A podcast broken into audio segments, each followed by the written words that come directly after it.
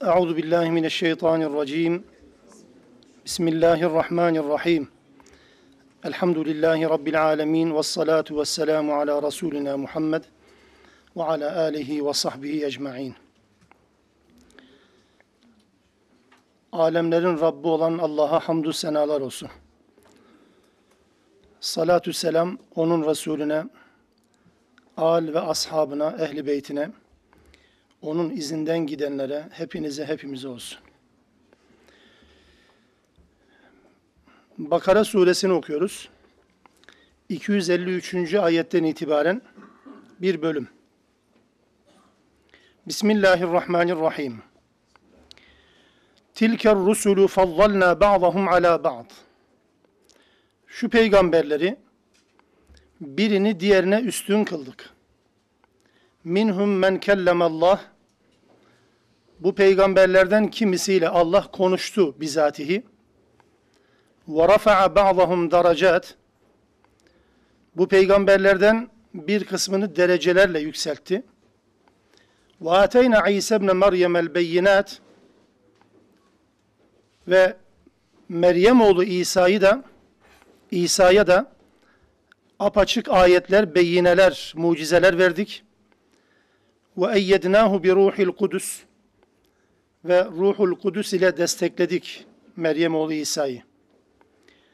وَلَوْ شَاءَ اللّٰهُ مَقْتَتَلَ الَّذ۪ينَ مِنْ بَعْدِهِمْ مِنْ بَعْدِ مَا جَاءَتْهُمُ الْبَيِّنَاتِ Eğer Allah dileseydi, eğer Allah insanların savaşmamasını, savaş yapmak zorunda kalmamasını isteseydi, insanlar kendilerine bu peygamberler ve bunlar aracılığıyla gelen ayetler, beyinelerden sonra savaşmazlardı eğer Allah istemeseydi.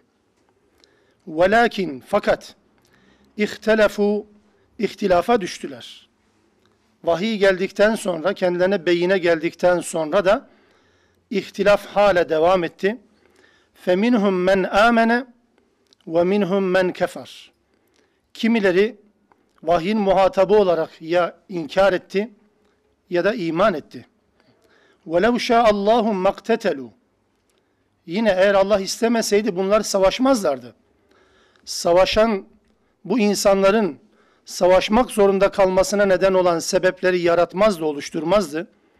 وَلَاكِنَّ اللّٰهِ يَفْعَلُ مَا يُرِيدُ Elbette Allah istediğini yapandır. Neyi isterse onu yapma konusunda kimse ona hesap sormayan bir ilahtır diyor Rabbimiz.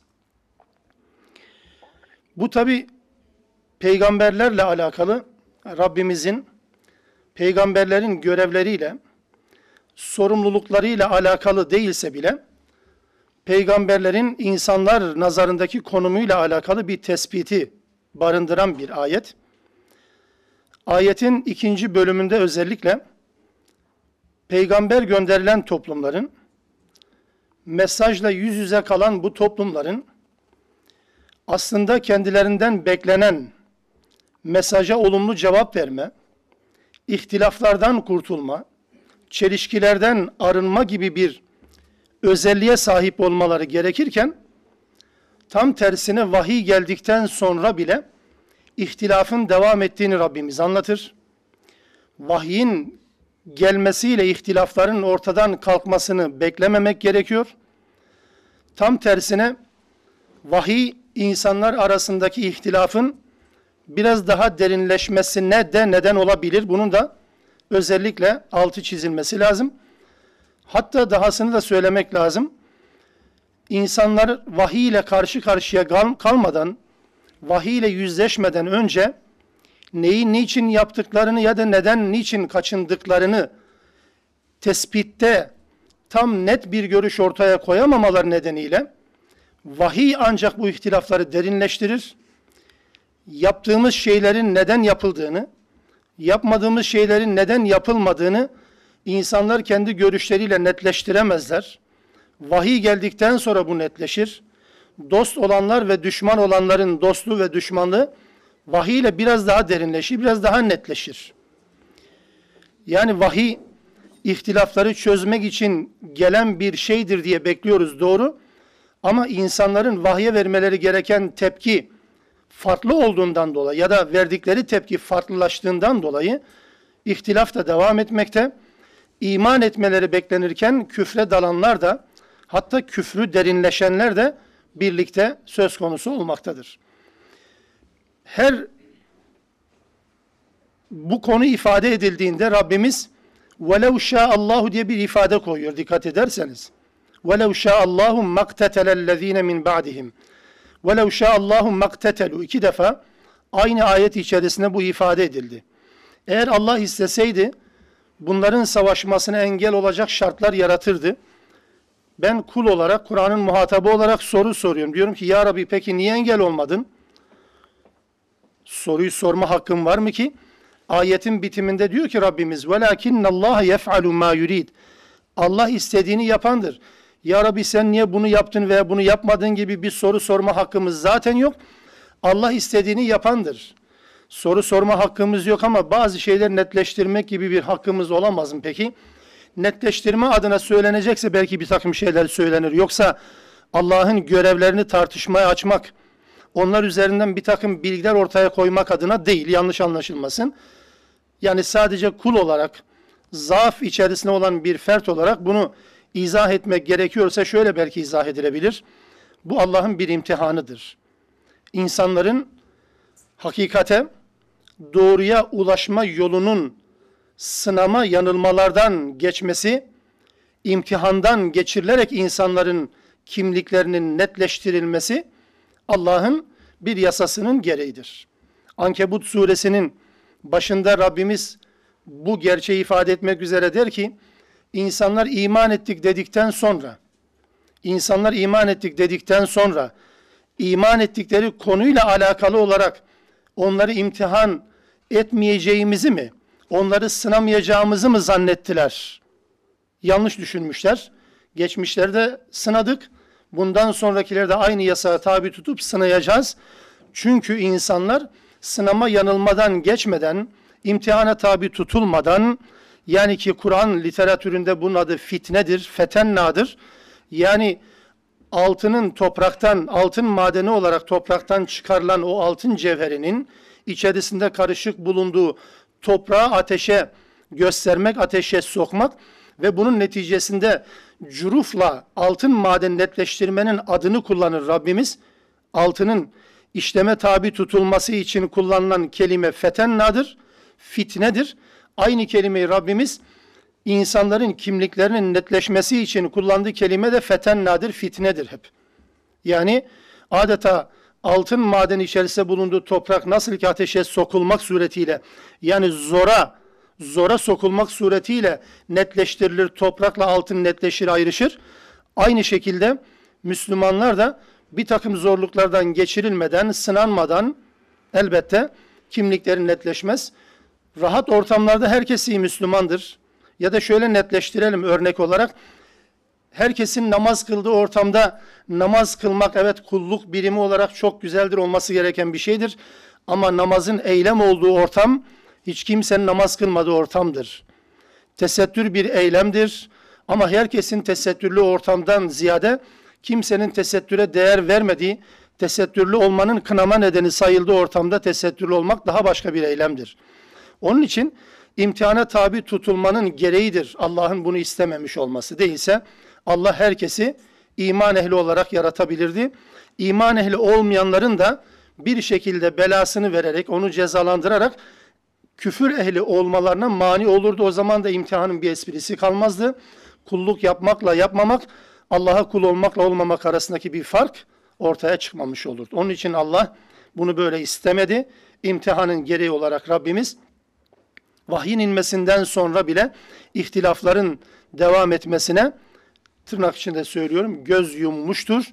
Bilgi vermek şartıyla tabi bu yaptıklarının neye mal olacağını, neye mal olabileceğini bildirmek şartıyla insanları vahyin bilgileriyle, ilkeleriyle baş başa bırakmıştır Rabbimiz. Ayetin ikinci bölümünü sondan başlayarak izah etmeye çalıştık. Başındaki bölüm de peygamberlerin tarih içerisinde Adem'den itibaren peygamberlerin görevini, misyonunu, üstlendikleri rolü açıklamak yerine insanların peygamberlerden beklediği bir takım şeyleri izah etmek için Rabbimiz sadece kısa atıflarda bulunur. Yani burada özellikle peygamberler konusunda, peygamberlere iman, peygamberleri sevme konusunda insanların düşeceği ifrat ve tefrite, bu ifrat ve tefrite düşmemek için yapılan bir hatırlatmadan ibarettir. Bakara suresinin bu 253. ayeti. Peygamberler konusunda öteden beri bir ifrat ve tefrit söz konusu mu ki? Tabii ki. Bakın hatta Fatiha suresinde gazaba uğramışlar ve sapmışlar anlamında Yahudileri ve Hristiyanları gündeme getirirken Hazreti Peygamber Yahudilerin ve Hristiyanların birçok özellikleri belki söylenebilir ama bu bağlamda hatırlatalım bir şeyi. Mesela onların temel özelliklerinden birisi olarak Hristiyanlar peygamberlerini ilahlaştırdılar. Sevgide aşırı yücelttiler, sapıttılar. Yahudiler de peygamberlerini sıradanlaştırdılar. Benden farkı nedir konumuna düşürdüler de o da Allah'ın gazabına uğrayan kesim oldu. Dolayısıyla tarihte geçmiş ümmetlerde yani vahiy ile muhatap olmasına rağmen o ümmetlerde hep peygamberler konusunda hatalı algılamalar var, yanlış algılamalar var. Ya aşırı bir sevgi yücelterek ilahlaştırarak yani Allah seviyesine çıkararak ya da sıradan kul seviyesine indirerek bir peygamber telakkisi var.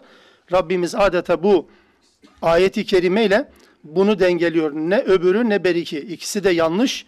Ortada olunması gereken bir tavırdır peygamberlere karşı. Burada anlatılan kimi özellikler var. Mesela birini diğerine üstün kıldık ifadesi neyi anlatır? Birini diğerine üstün kıldık. Bu elbette üstünlüğün arkasından gelen örneklere dikkat ederseniz bu üstünlük özellikle e, aslında şunu söyleyelim. Her biri peygamberlikte, peygamberlik görevini yerine getirmede ve dolayısıyla hakkı söylemekte aynıdır aslında. Hakkı söyleme konusunda, peygamberlik görevini yerine getirme konusunda bütün peygamberler aynıdır.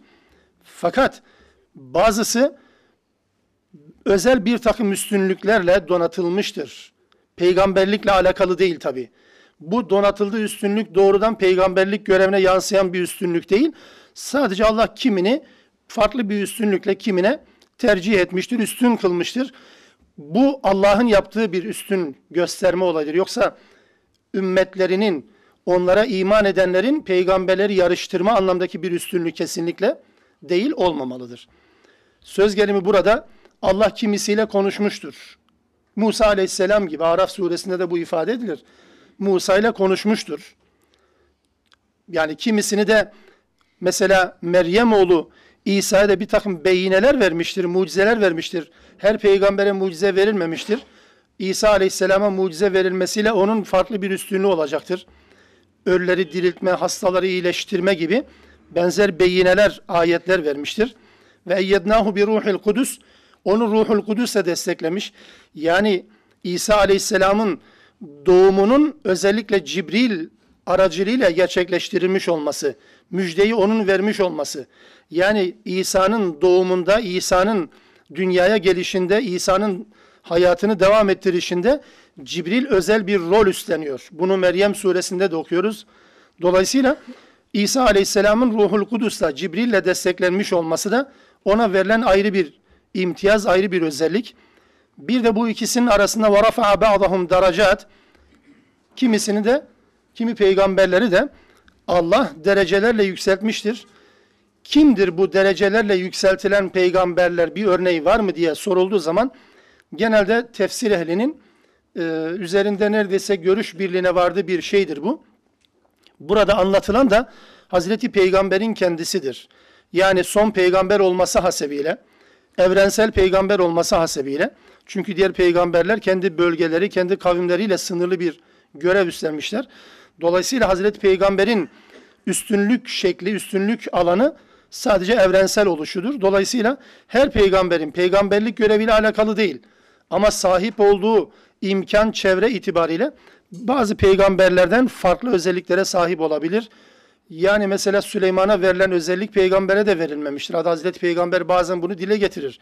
Süleyman kardeşime verilen özellikten dolayı diyor, bana musallat olan cinleri bağlamadım çünkü Süleyman Aleyhisselam bana bir, öyle bir nimet ver ki benden sonra kimseye verme. Süleyman'ın bu sözünü hatırladım da cinleri bağlamaktan vazgeçtim der Hazreti Peygamber. E bu özellik de Süleyman'a verilmiştir. Bir aylık mesafeyi kısa bir sürede rüzgar vasıtasıyla gidip gelme özelliği gibi e, her peygambere verilmiş değil. Hükümdar peygamberdir. Davud'a farklı bir özellik. Bu özellikler peygamberlik göreviyle birebir ilişkili olan görevler değil. Bu sadece Allah tarafından seçilen kimi peygamberlerin sahip olduğu özellikler. Zaten burada dikkat ederseniz mesela faddalnadır. Allah kendisine izafe eder. Faddalna biz üstün kıldık. Ya da mesela ateyna biz verdik. Ya da eyyedna biz destekledik. Hep bu fiiller Allah kendisine izafe ediyor. Kendisine isnat ediyor. Yani bunu biz yaptık. Bu özellikler peygamberlerin çabası sonucu oluşan özellikler değil anlamına. Peygamberlerin bu farklı özellikleri vardır elbette ama bu özellikler o peygamberlerin birisinin diğerini diğeriyle yarıştırılmasına zemin hazırlasın anlamında değil. Elbette bunu böyle bilelim. Peygamberlere ait faziletleri, özellikleri, vasıfları zikretmekte bir sakınca yok bu anlamda. Yani Davut Aleyhisselam'a şu özellik verildi. Şuayb Aleyhisselam peygamberlerin hatibidir. Efendim Eyüp Aleyhisselam sabır sembolüdür, şudur. Her peygambere bir şeyler söylemek de bir sakınca yoktur. Fakat fakat bir peygamberin diğerinden üstün olduğunu iddia etmek, falan peygamber en üstün peygamberdir hangisi olursa olsun, bu şekilde bir yarıştırmaya girişmek, işte sakıncalı olan, men edilen, hoş görülmeyen de budur. Hatta biz her akşam gün bitiminde, gecenin başlan, başlangıcında ve yatarken Amener Resulü'yü okuyoruz ya, imanın ilkelerini yeniden gündeme getirmek suretiyle. La nüferriku beyne ahadim min rusuli. Biz hiçbir elçi diğerinden ayırt etmeyiz. Peygamberler arasında bir fark gözetmeyiz. Adem nasıl bir peygamber olarak iman edilmesi gerekiyorsa Muhammed Aleyhisselam'a da o anlamda iman edilmesi gerekir. İsa Aleyhisselam Hristiyanların, tırnak içinde Hristiyanların peygamberidir diye onun değerinden bir şey düşürülmez, düşürülemezsiniz. Çünkü peygamberdir, İsa'dır. Onun onun mertebesini düşürdünüz mü imanınız zedelenir. Onun için peygamberler arasında hiçbir fark gözetmeyiz ilkesini her gece bir Müslüman olarak söylemek zorunluluğunda. Sanki Hazreti Peygamber'in bize öğretmiş olduğu bir terbiye metodu, bir eğitim metodu şeklinde. Şimdi tabi burada özellikle yaşadığımız dönemde öteden beri alışıla gelmiş olan bu peygamber yarıştırma özelliği, ahlakı yaşadığımız dönemde toplumda da hat safhaya ulaşmıştır. Bunun biraz da işin doğrusu konuyla alakalı yeterli bilgiye sahip olmamaktan kaynaklandığını söyleyebiliriz. Bütün mesele bu konuyla alakalı sağlam ve sahih bir bilgiye sahip olmayışımız. Genel anlamda cehalet arttıkça, cehalet vahiy ile alakalı, başka konularda bilgili olabiliriz de, vahiy ile ilgili bilgisizliğimiz arttıkça, vahiy ile irtibatımız zayıfladıkça, peygamberleri yerleştirmemiz gereken konum konusunda sıkıntıları halen yaşıyoruz. Mesela Hazreti Peygamber özelinde söyleyeyim.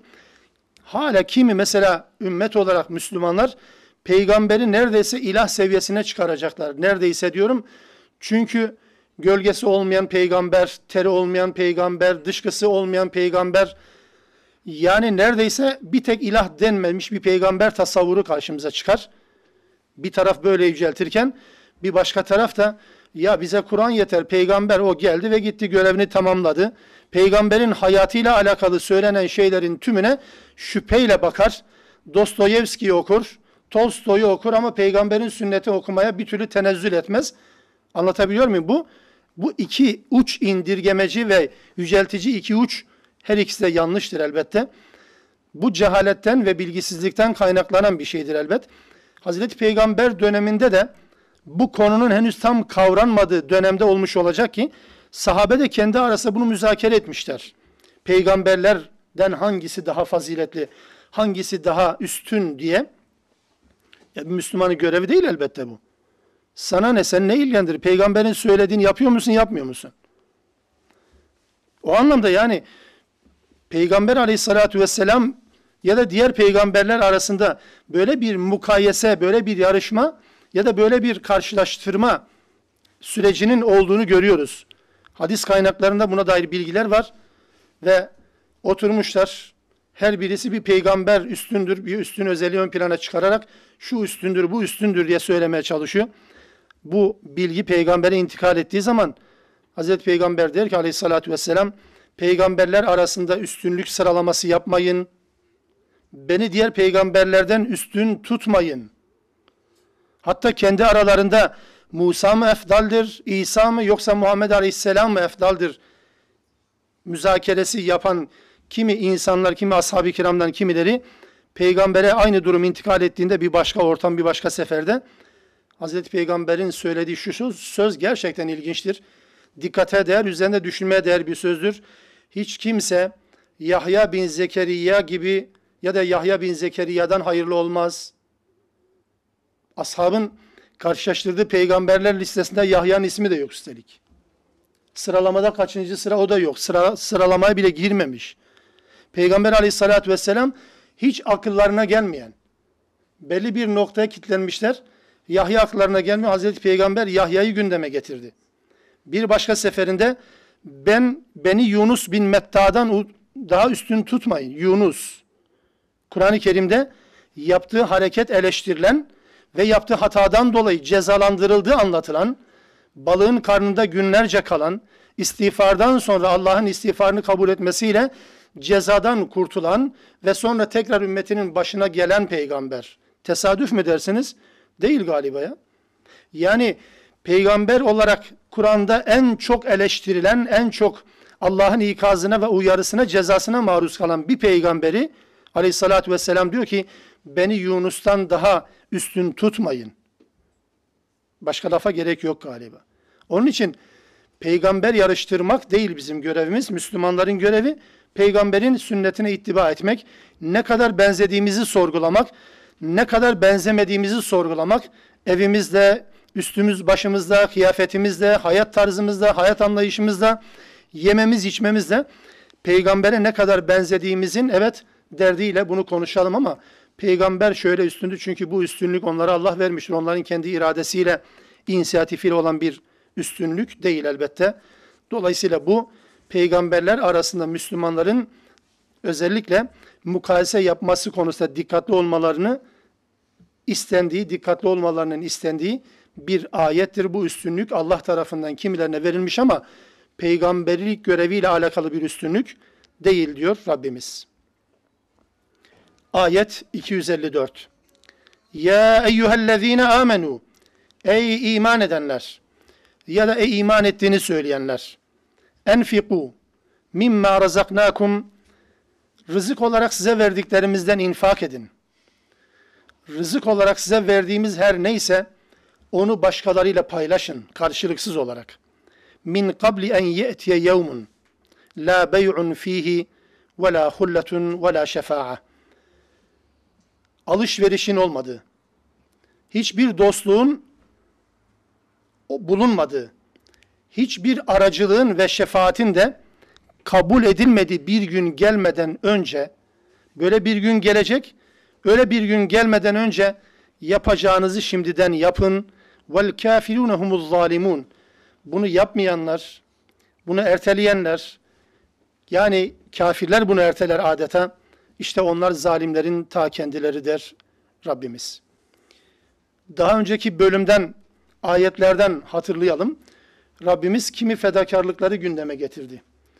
Mesela can fedakarlığı.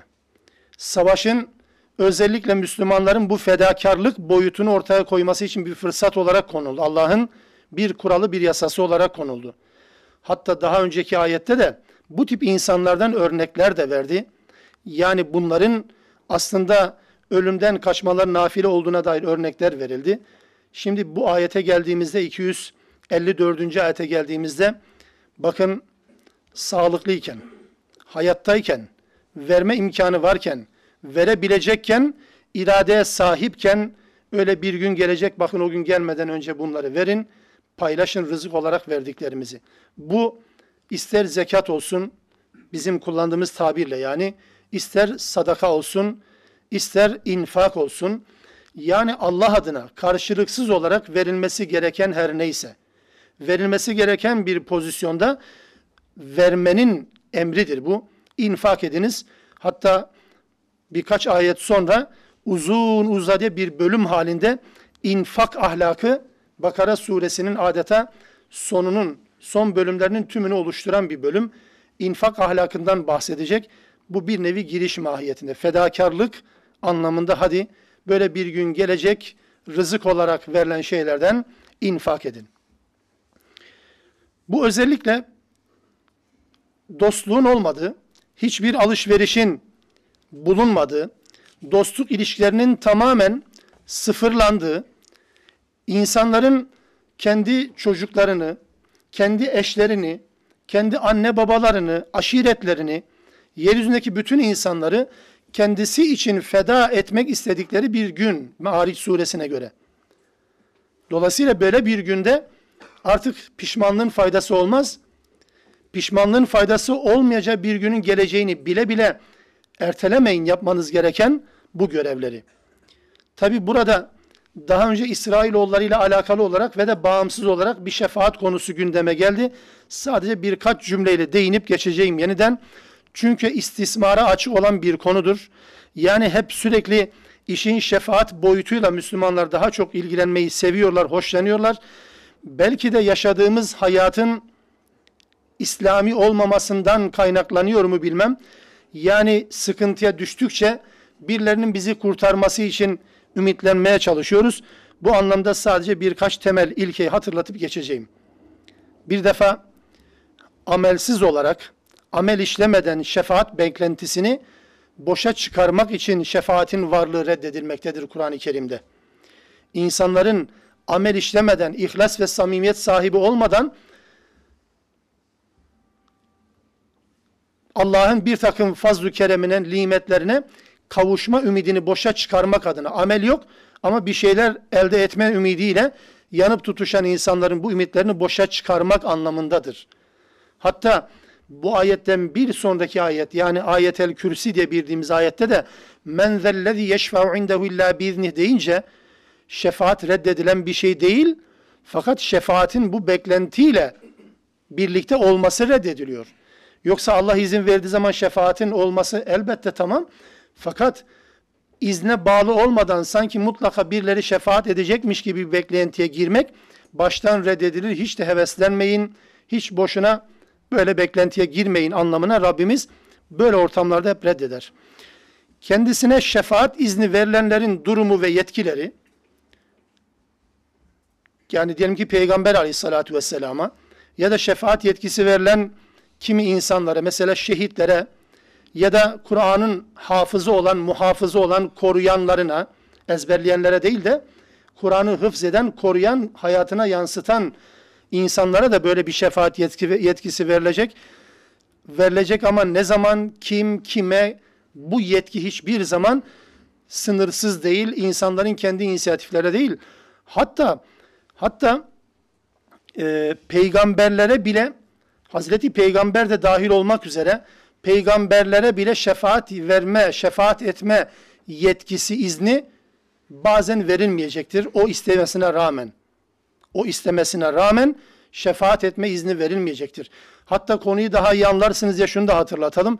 Mesela Hazreti Nuh'un oğlu için yaptığı dua daha hayattayken reddedilir. İbrahim Aleyhisselam'ın babası için yaptığı dua daha hayattayken reddedilir. Hayattayken duası reddedilen peygamberler anlatır Kur'an bize. E, ahirette duası reddedilecek peygamberler haydi haydi olacaktır. Buhari'nin son taraflarında cennet bahsinde Kevser'in başına doğru gelen ve peygamberin de aleyhissalatü vesselamın da ümmetim dediği kimi insanların peygambere ulaşması engellenir. Peygamber onları çağırırken gelin derken Kevser'in başına onlar engellenecek.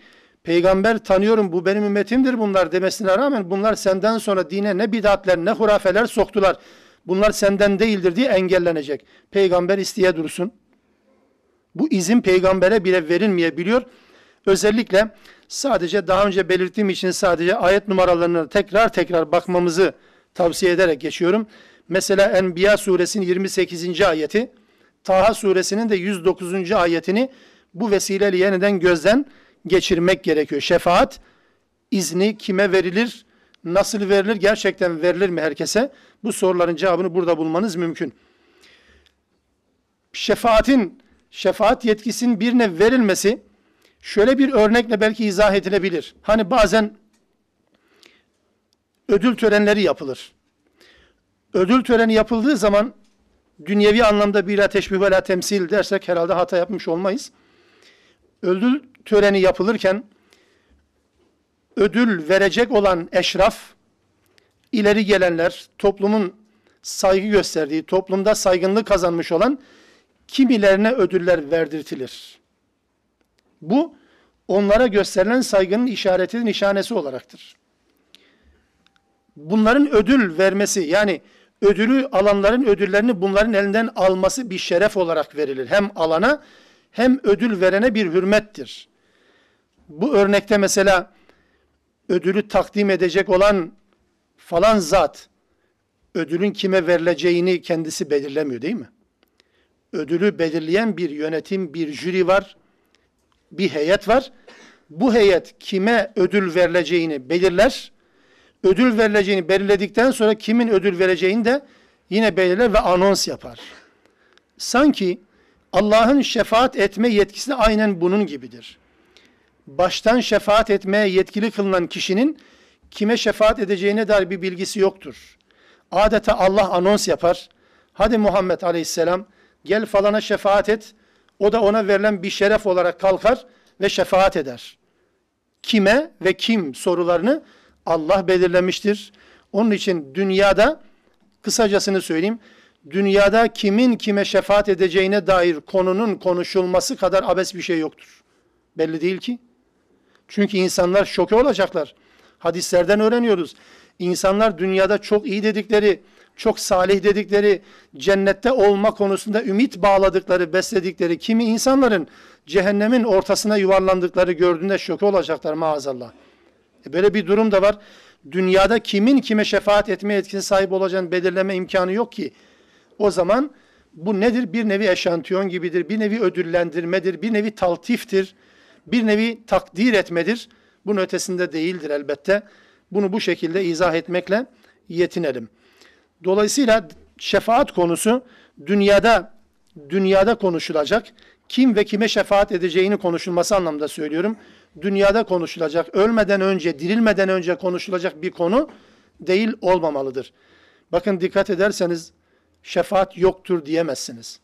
Yani kim şefaat yoktur derse hadisleri değil sadece ayetlerin ruhuyla da ters düşer. Allah şefaatin olmadığını anlattığı bütün yerlerde birilerinin şefaat beklentisiyle köşeyi dönme hevesini kırar. Şefaatin olmadığının anlatıldığı bütün ayet bağlamlarına bakın hep böyledir. Bir heves var bedavadan hiçbir şey yapmadan köşeyi dönmenin kurtuluşa ermenin hesabını yapar. O işte beklentiye karşı Allah der ki o gün öyle bir şefaat yok hiç beklemeyin. Ama ayetel kürsüye geçtiği zaman da onun izni olmadan kim şefaatçi olabilir ki? Enbiya 28'de Allah'ın kimin kime şefaat edeceğini belirlerken razı olduğu kullar şartını kor mesela.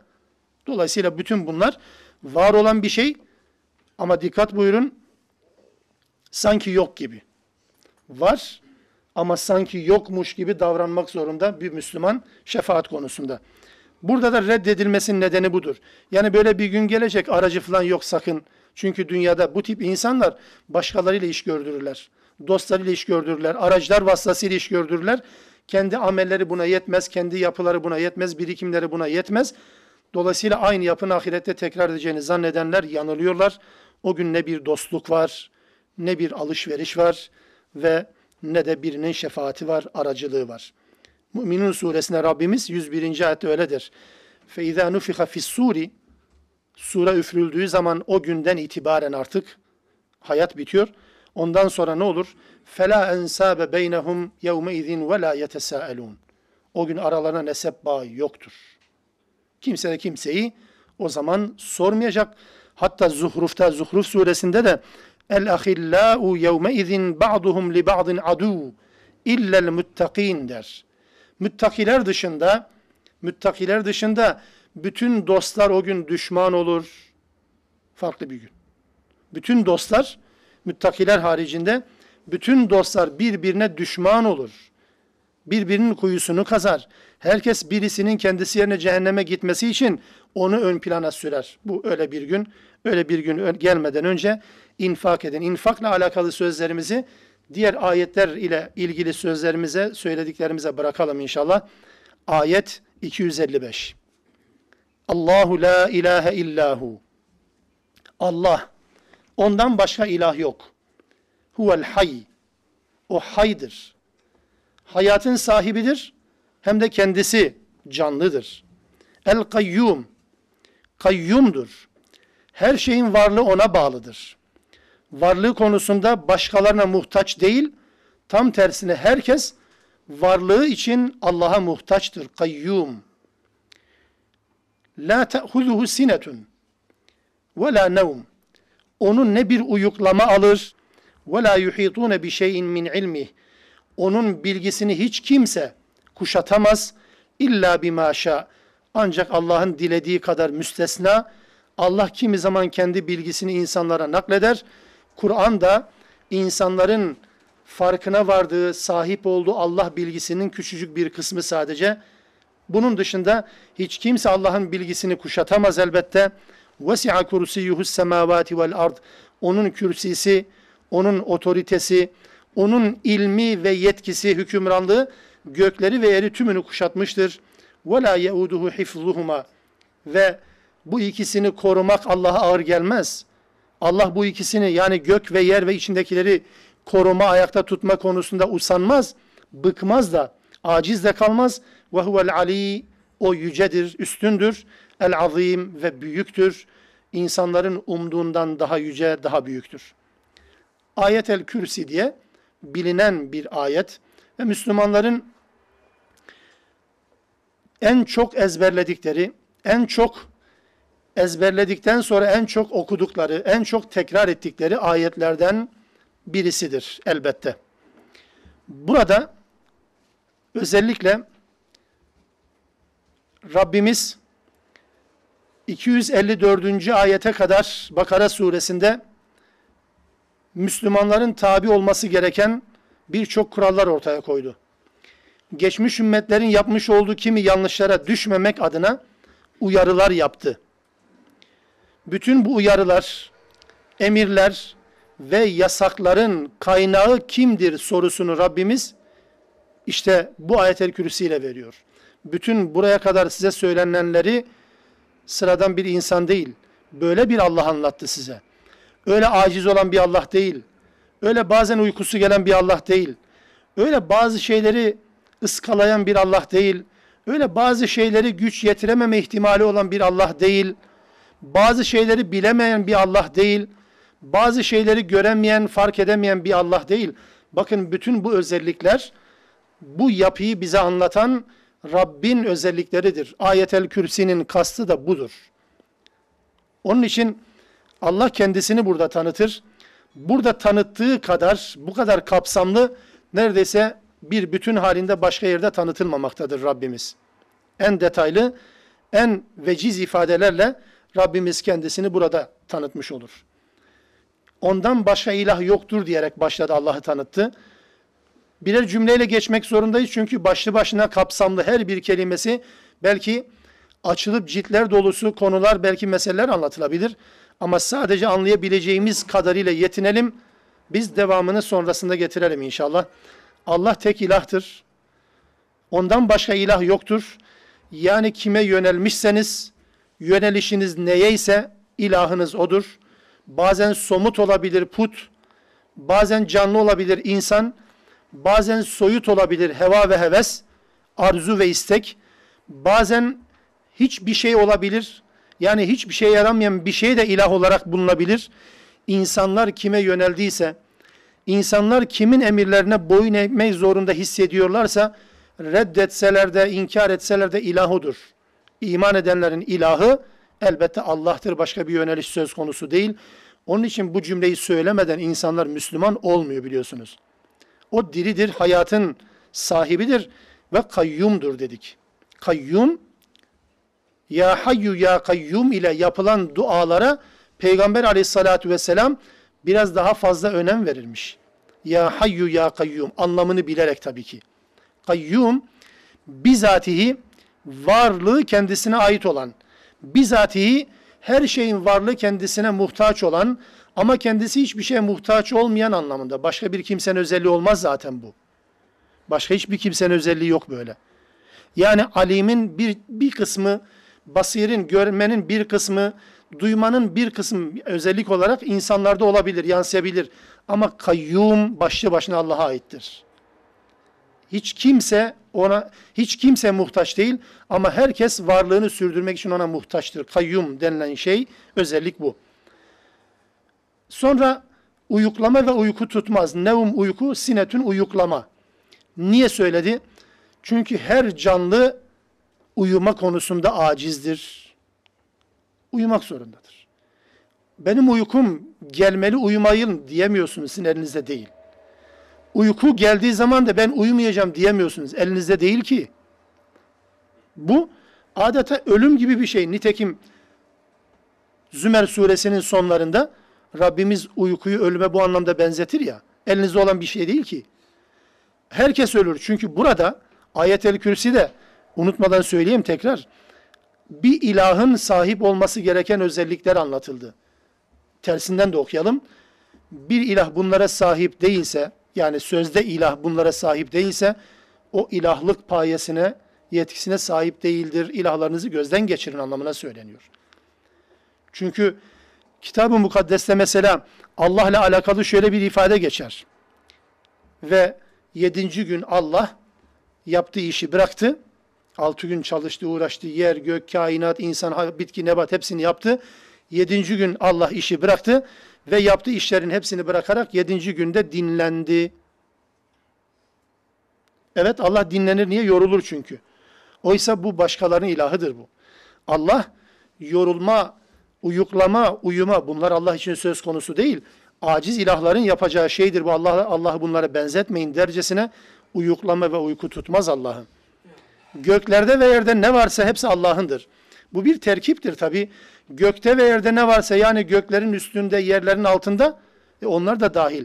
Bu gece gündüz dediğimiz zaman hani bütün zamanı kapsamak anlamda kullanıyoruz ya. Gece gündüz deyince 24 saatin tümünü kapsıyor. Yer ve gök deyince mekanların tümünü kapsama anlamında kullanılıyor. Lehu ma fis semavati ve ma fil ard. Dikkatle okuyalım bakın. Dikkatle okuyalım ve okuduğumuzu da anlamaya çalışalım.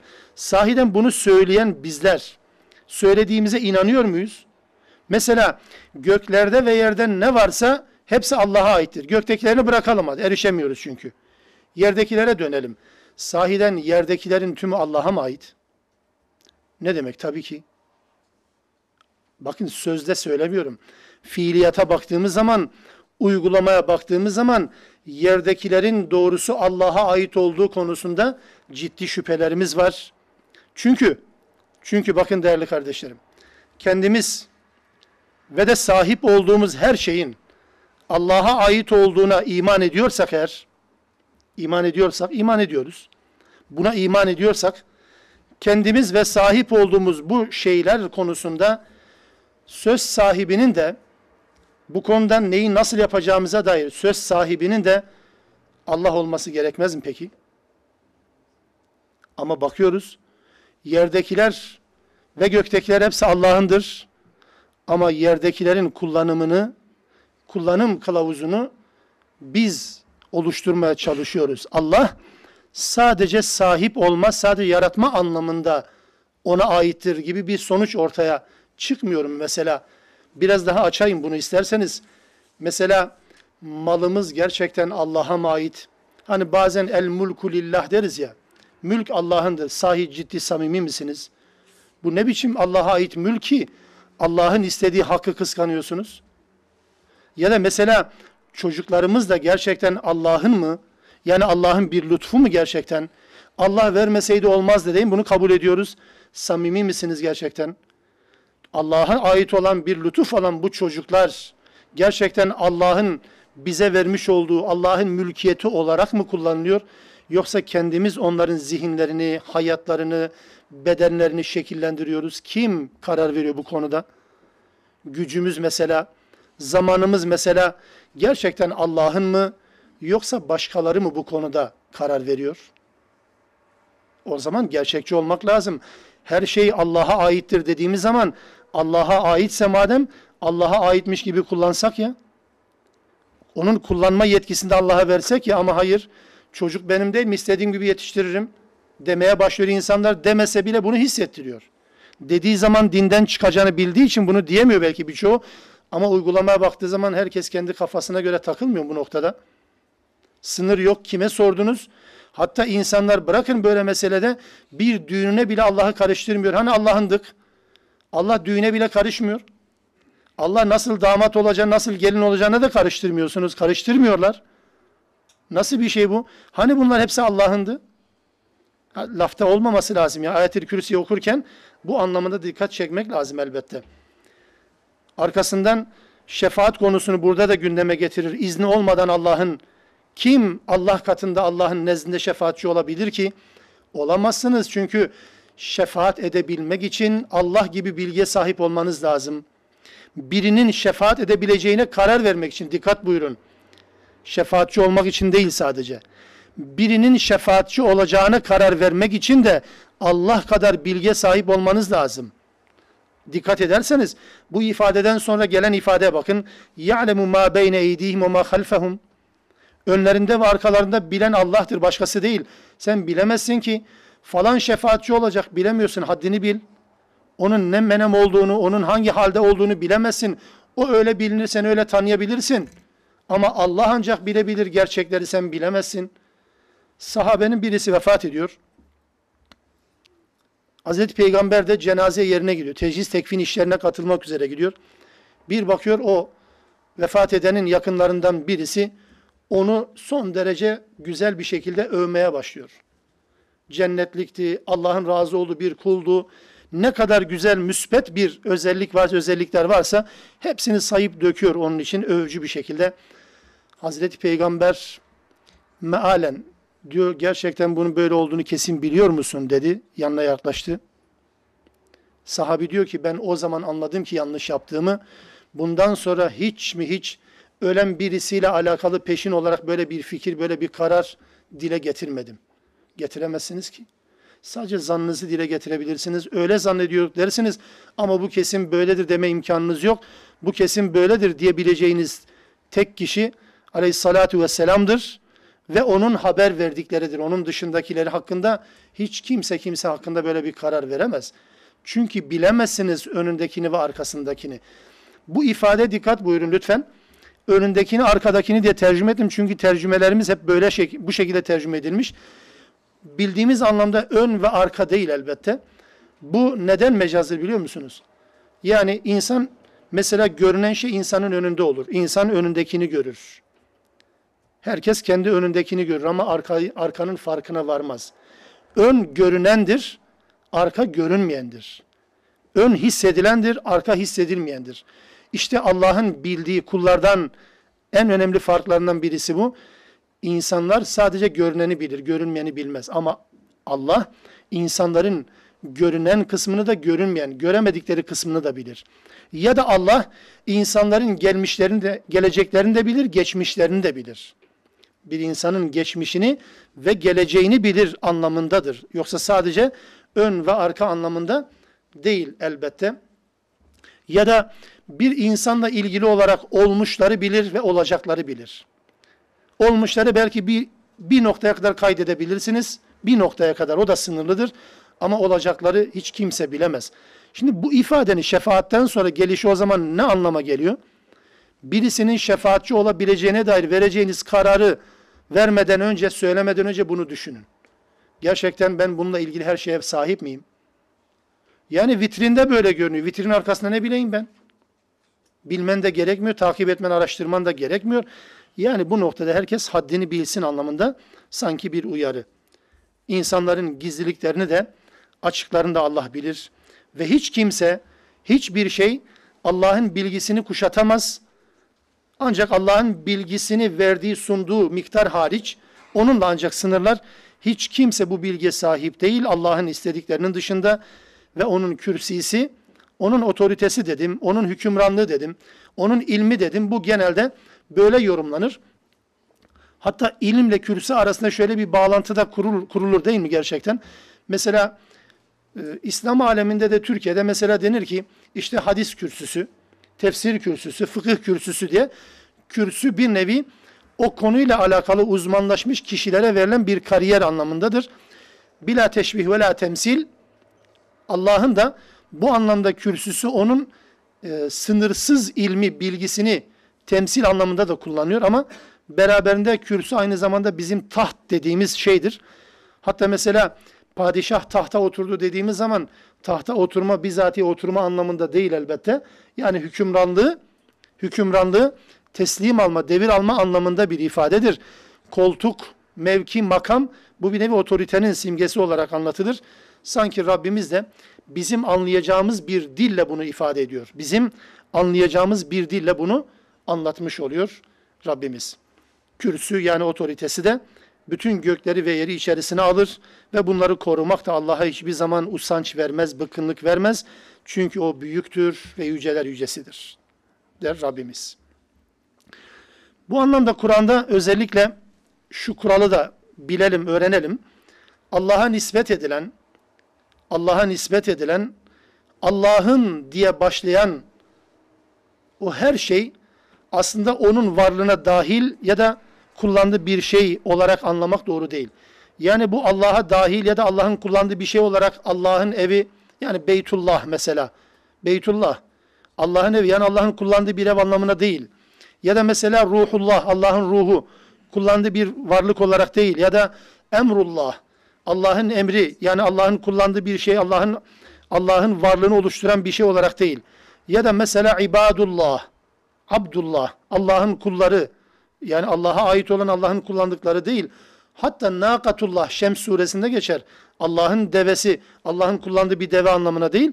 Bu sadece elbette bu ne onun varlığının bir parçasıdır ne de kullandığı bir araçlardır. Önem ve şereflerinden dolayı sadece onun önemi ve şerefinden dolayı Allah'ın ya da onun diye belirtilir. Yoksa ona ait olan bir varlık olarak algılanamaz. Bunu bu anlamda yanlış anlamak doğru değil. Bu surenin, e, bu ayetin faziletiyle alakalı olarak da kısa bir şey söylemek gerekiyor. Kur'an'ın herhangi bir bölümünün, herhangi bir suresinin bir yerde okunmasıyla alakalı sahih hadisler. Çünkü bu konuda epey uydurma haberler var. Yani surelerin faziletleriyle alakalı bir uydurma literatürü, başlı başına bir uydurma literatürü var. Bir uydurma edebiyatı var. Surelerin faziletiyle. Mesela en çok hakkında uydurma haber olan sure hangisidir? Yasin'dir. Yani önüne gelen bir şey uydurmuş. Biri İbni Abbas'a atfetmiş, biri Ebu Hureyre yani inkar edilemeyecek sahabelere. Ama sahih olanları var mı? Var tabii ki. Bunu ilim ehli zaten netleştirmiş. Hepsi belli, ayan beyan ortada. Bu faziletle alakalı özellikle sizden istirhamım şuna dikkat edelim.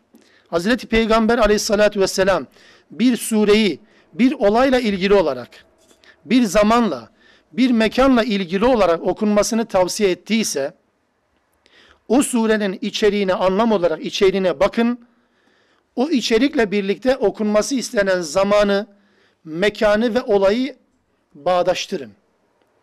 Birbirine uyduğunu göreceksiniz. Yani Hazreti Peygamber'in okumayı tavsiye ettiği bir ayet ya da sure ya da bir bölümün mutlaka okunmasını tavsiye ettiği olayla, zamanla, mekanla, zeminle bir alakası vardır. Öyle haybeye yani numarasız gözlük gibi, aspirin gibi her derde deva şeklinde ya böyle bir şey olabilir mi? Yani peygambere atfederek böyle bir şey yapamazsınız. Onun için mutlaka anlamıyla alakalı. Mesela Amener Resulü gece yatarken okuruz. Niye? E çünkü içerisinde bir takım ilkeler var. Belki bir daha uyanamayız düşüncesiyle bir istiğfar var. Bir Allah'a yalvarış, yakarış var ve öylece uyuruz mesela. Bu da böyledir. Ayetel Kürsi'nin okunmasıyla alakalı, faziletiyle alakalı hadislerde var, yok değil. Fakat bunun sadece lafızlarını terennüm etmek değil. İçeriğiyle alakalı. Yani Ayetel Kürsi'yi okuyan, Ayetel Kürsi anlayan bir insan Allah'ın korumasındadır. Okuyan insan değil. Anlayan ve ona göre iman eden, ona göre hayat yaşayan bir insan Allah'ın korumasındadır. Ya değilse siz zahmete katlanmayın. Bir MP3'ünüze veya bir kasetinize ya da bir bilgisayarınıza programlayın. Her yatışınızda okusun ayet-el kürsi baştan sona. Belki bizden sizden daha da iyi okur. Hiç olmasa tecrübeli birisi okumuştur hatasız. Okusun olsun olmaz mıydı? E olmuyor tabii bu. Çünkü mesele o değil. Mesele bunu okumak değil. Mesele okuduğunu anlamak ve buna göre yaşamaktır. Yani mesele lehu ma fis semavati ve ma fil arda niye özellikle vurgu yaptım? Yani bunu terennüm edeceksiniz. Her şey Allah'ın diyeceksiniz. Ama elbisenizi bile Allah'a karıştırmayacaksınız. E nasıl ne anladı ki bu ayet-el kürsiden? Yani Allah'ın ilmi her şeyi kuşatmıştır. Ama içinize bir kuşku var. Acaba her şey bilebilir mi ki diye tereddüt ediyorsunuz. Yani böyle bir şey olabilir mi? Anlamını düşünmeyle alakalıdır, anlamayla alakalıdır, faziletleriyle alakalı, bütün surelerin, ayetlerin faziletiyle alakalı böyle bir anahtarı özellikle belirtmek lazım. Ayet-el Kürsi ile ilgili olarak hadislerde, sahih hadislerde epey de bilgi var. Gerekli yerlere müracaat ederseniz okursunuz. Zaten genelde dünyevi bir beklentiyle okuma alışkanlığımız var. Bir de onu bırakalım Allah için. Yani ayet-el kürsi okuduğumuz zaman işi garanti alma anlamındaysa böyle bir okumanın bize zararı var, faydası olmaz. Allah'ı kandırıyoruz kendimizce. Böyle bir şey olur mu? Yani mesela insanlar sefere çıkarken, yolculuğa çıkarken ayet-el kürsileri hadi yedileyelim diyoruz. Diyorlar yani ben demiyorum da. Niye? Çünkü sefer duasını bilmiyorsa imdada yetişen bir ayet vardır. Yani inkar etmiyorum, reddetmiyorum ama sünnette böyle bir şey yok tabii ki. Hadi ayet-el kürsiler okuyalım. Okuma nedenimiz neydi? Yolda kaza yapmasın. Öyle miydi? Ne münasebet canım. Okunan her duanın okuyanın bilincine etki etmesi söz konusudur. Dünyevi bir getiri anlamında okunmaz ki. Ayet-el Kürsi de bu anlamda okunuyorsa okunmanıza gerek yok. Ayet-el Kürsi'nin böyle bir garantisi olmaz. Olabilir mi? Yani Allah bazen halk eder etkisini. Demek istediğimi yanlış anlamayın. Bakın yani bunu bu amaç için okunduğuna dair bir kural haline getiremezsiniz. Ayet-el Kürsi şunun için okunursa şöyle olur anlamına. Yok böyle bir şey.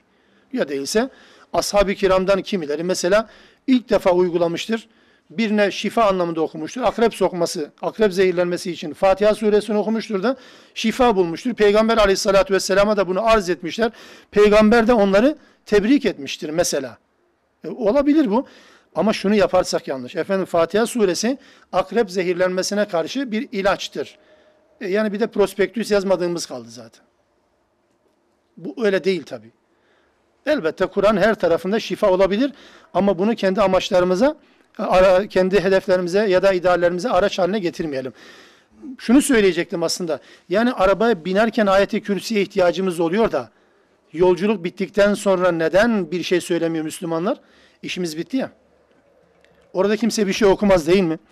Bilenleriniz var mı bilemiyorum. Ben cevap anlamında sormuyorum bunu. Ama yani yolculuk bittikten sonra hakikaten ne okunurdu?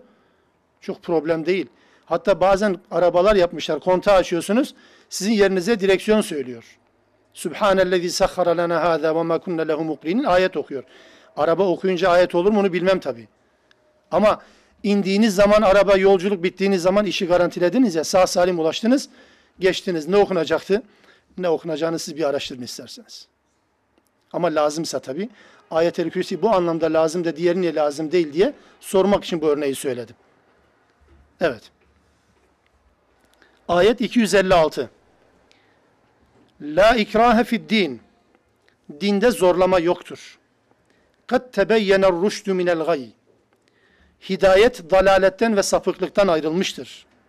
Femen yekfur bit tağuti ve yu'min billah her kim tağutu inkar ederse ve Allah'a da iman ederse fakat istemseke bil urvetil vuska kopmayan kopmak bilmeyen sapa sağlam bir kulpa yapışmış olur.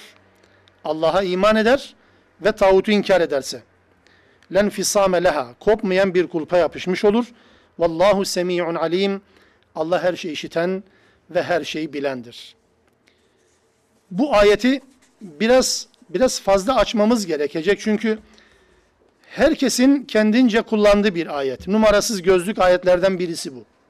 Herkes kendi çıkarlarını alet eder. Demokrat kullanıyor, sosyalist kullanıyor, hürriyetçi özgürlükçü kullanıyor, İslamcı kullanıyor, radikal kullanıyor. Herkes bu ayete sarılmış. Bu ayet neyin nesidir? Bunu izah etmemiz gerekiyor. Mealle, mealini vermekle yetindim ama sadece şu cümleyi söyleyerek bu ayetle alakalı anlamamız gereken nihai mesaj anlamında yine önümüzdeki ders bunu tekrar edeceğim ama sadece zihinlerimizde kazınsın anlamda bunu söylüyorum. Bu ayeti kerimeyi dinde zorlama yoktur diye çevirdik ya. Bu zorlamanın iki boyutu üzerinde durmamız gerekir. Zorlama, dinde zorlama yoktur. Dinde zorlama yokturun anlamı ne? Yani birini Müslüman yapma konusunda başkasını zorlama hakkımız da yok. Bu bir. Bunu hepimiz biliyoruz. Başkasını İslam'a sokma, iman etmeye zorlama anlamında hiç kimsenin bu anlamda hakkı ve yetkisi yok. Ama göz ardı edilen ikinci anlamı şu. Başkalarının da Müslümanları kendi inançlarından vazgeçirmeye zorlama hakları olmamalıdır ve Müslümanlar bunu engellemelidir. Yani dine girerken zorlama olmaz ama Müslümanları dinlerinden mahrum etme konusunda da birileri zorlama rolünü üstlerse, zorlayıcı rol üstlenirse bunun da engellenmesi anlamında Allah reddeder. Hayır, böyle bir zorlama söz konusu olmaz. Dine koymak için de zorlayamazsınız. Birilerin dinden çıkması için de zorlama yetkisini veremezsiniz. Birileri buna engel olması lazım anlamındadır. Yoksa sadece tek taraflı bir ayet, tek taraflı bir zorlamayı reddeden ayet değildir. Subhaneke Allahümme bihamdik. Eşhedü en la ilahe illa ente estağfiruk ve etubu ileyk.